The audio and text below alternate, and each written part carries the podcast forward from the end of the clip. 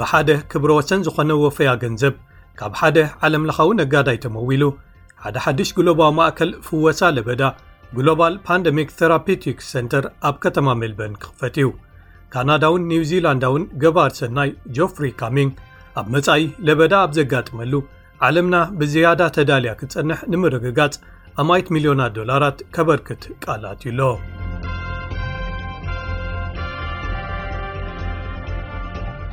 ኣብቲ ፍሉጥ ዝኾነ ማእከል ምርምር ንመልከፍትታትን ዓቕሚ ምክልኻል ሰብነትን ዶሀርቲ ኢንስቲትዩት ተራኺቦም ተመራመርቲ ሳይንቲስትስ ፖለቲከኛታትን ሓደ ኣዝዩ ሃብታም ዝኾነ ዓለም ለኻዊ ገባር ሰናይ ብሓባር ኮይኖም ንሰብኣውነት ንመጻኢ መሐለውታ ክገብሩሉ ሓይልታቶም የተሓባበሩ ከም ዘለው ኣፍሊጦም ኣለው እቲ ካናዳዊ ሃብታም ወናኒ ነዳድን ጋዝን ጆፍሪ ካሚንግ ነዚ ካሚንግ ግሎባዊ ማእከል ንፍወሳታት ለበዳ ብሓደ ናይ 250 ሚልዮን ዶላር ኣውስትራልያ ወፈያ ገንዘብ ክምውለ እዩ። ኣብ ታሪኽ ኣውስትራልያ ከኣ እቲ ዝዓበየ ወፈያ ንሕክምናዊ መጽናዕቲ ክኸውን እዩ። ንሕና ነዚ ተጻዓድነት ግሎባዊ ማሕበረሰብ ክብ ከነብሎ ኢና። ናይዚ ግሎባዊ ማእከል ንፍወሳታት ለበዳ መሰረታዊ ዕላማ ከኣ ንሱ እዩ። እዚ ማእከል ነቶም ፕላትፎርም ቴራፒቲክስ ተባሂሎም ዝጽውዑ ከማዕብል ይዕልም፣ እዚኦም ንዝዀኑ መጠነ ሰፋሕቲ ንመጻኢ ዝቕልቀሉ ቫይረሳት ንኽፍውሱ ብቕልጡፍ ክቕየሩ ወይ ክልወጡ ዝኽእሉ መድሃኒታት እዮም። ዳይረክተር ትካል መጽናዕቲ ዶሀርቲ ኢንስቲትዩት ፕሮፌሰር ሻሮን ልዊን ምስ ምዕቡል ወይ ዝማዕበለ ቴክኖሎጂ ኮምፒዩተር እቲ ማእከል ኣብ ክንዲ ዓመታት ኣብ ውሽጢ ኣዋርሕ ብቑዓት ፍወሳታት ክገብር ከኽእሎ እዩ ኢላ።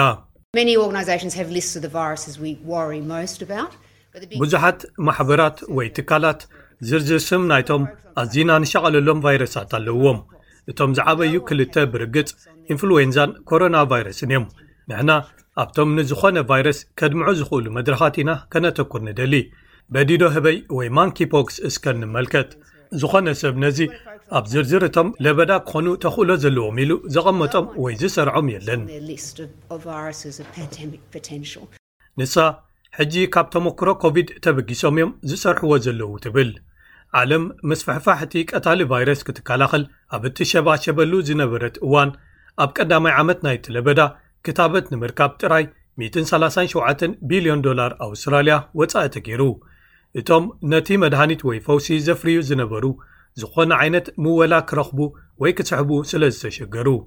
ምክትል ቻንስለር ዩኒቨርሲቲ ኦፍ ሜልበርን ፕሮፌሰር ዳንከን ማስከል፣ ሓካይም ንኽልተ ዓመት ንሕሙማት ዝሕክምሉ ፍሉይ መድሃኒት ኣይነበሮምን ይብል። ፓክስሎቪድ ወይ ሓደ ተመሳሳሊ ፈዋሲ መድሃኒት ብኸምቲ ኣብ ሓምለ 2ሸን ዕስራን ዝነበሮ መጠን ነይርዎም እንተዝኸውን፣ ልክዕ ከምቲ ክታበት ኮቪድ-ዓሰርተ-ትሽዓተ ዝጸደቐሉ ፍጥነት እንተዝፍቀድ ነይሩ፣ ብደረጃ ዓለም ሚልዮናት ሞታት መድሓኑ ወይ ምተኻላኸሉ ነይሮም። ክሳብ ሕጂ ዳርጋ ሽዱሽተ ሚልዮንን ፈረቓን ሰባት ኣብ መላእ ዓለም መይቶም ኣለዉ። ኣውስትራልያ ከኣ ናብ ዓሰርተ ኣርባዕተ ሽሕ ምስ ኮቪድ ዓሰርተ ትሽዓተ ዝተኣሳሰሩ ሞታት ትበጽሕ ኣላ። እዚ ካሚን ግሎባዊ ማእከል ንፍወሳ ለበዳታት ኣብ ውሽጢ ኣውስትራልያዊ ትካል መጽናዕቲ ንተመሓላለፍቲ ሕማማት፣ Australian Institute for Infectious Disease፣ ክቐውም እዩ። ሓደ ሓድሽ በዓል ሽዱሽተ ሚእትን ሓምሳን ሚልዮን ዶላር ህንጻ ከኣ ኣብ ክልተ ሽሕን ዕስራን ሓሙሽተን ክስራሕ ክጅመር እዩ። ፕሪምየር ግዝኣት ቪክቶርያ ዳንኤል ኣንድሪውስ፣ ጆፍሪ ካሚንግ ዘበርከቶ ወፈያ፣ ኣብ ዝመጽእ እዋን ሓደ ኣብ ሚእቲ ዓመት ዘጋጥም ለበዳ ምስ ዝቕልቀል፣ ሳይንስ ዝያዳ ተዳልዩ ክጸንሕ ንምግባር ናይ ዕስራ ዓመታት ምርምር ወይ መጽናዕቲ ክምውል እዩ ኢሉ። For all the things we know that this will achieve. ንዅሎም እዚ ክፍጽሞም ዝኽእል ነገራት፣ ኣበርክቶናን እዚ ጻዕርን ትርጕም ዘለዎ እዩ። ግን እቲ ተኣምር ኣብ ተኽእሎታት እዩ ዘሎ። But the magic is in the possibility. መንግስቲ ቪክቶርያ ናብቲ ብውሕዱ ክልተ ሚእቲ ስራሕ ክፈጥርን ኣውስትራልያ ኣብ ግሎባዊ ግብረ መልሲ ለበዳ ኣብ ቅድሚት ከም እትስራዕ ክገብር ትጽቢት ዝግበረሉን መደብ ወይ ፕሮጀክት ሰብዓን ሓሙሽተን ሚልዮን ዶላር ኣውስትራልያ ኣበርክቶ ገይሩ'ሎ። እዚ ከምዚ ኢሉ እንከሎ፣ እቶም ትማሊ ኣብ ሃገራዊ ካቢኔ ዝተኣከቡ መራሕቲ መንግስታት፣ ብምኽንያት ኮቪድ ዓሰርተ ትሽዓተ ሰባት ተገሊሎም ወይ ተወሺቦም ዝጸንሑሎም እዋናት፣ ካብ ሸውዓተ ናብ ሓሙሽተ መዓልታት ክጎድል ተሰማሚዖም።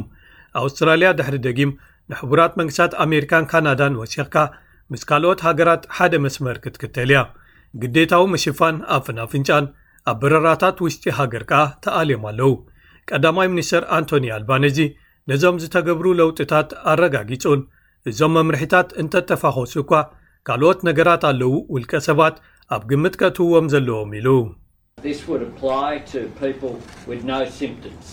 እዚ ነቶም ምልክታት ሕማም ዘይብሎም ሰባት ዝምልከቶም እዩ። ሰባት ምልክታት ሕማም እንተለዎም ኣብ ገዛ ክጸንሑ ከም እንደልዮም ንጹር እዩ። ንሕና ሰባት ሓላፍነታውያን ክዀኑ ኢና እንደሊ። ሸውዓተ መዓልቲ ውሸባ ነቶም ኣብ ልዑል ተኽእሎ ሓደጋ ዘለዎም መሳለጥያታት ማለት፣ ከም በዓል መእለዪ ኣረጋውያን፣ መእለዪ ስንኩላን ኣብ ቤቶም ዝእለዩን ዝሰርሑ ከም ዘለዎ ክጸንዕ እዩ። ሚስተር ኣልባኔዚ፣ ሃገራዊ ካቢኔ ነቶም ብምኽንያት ለበዳ ካብ ስርሖም ዝበዅሩ ዝወሃብ ክፍሊት፣ ፓንደሚክ ሊቭ ፐይመንት፣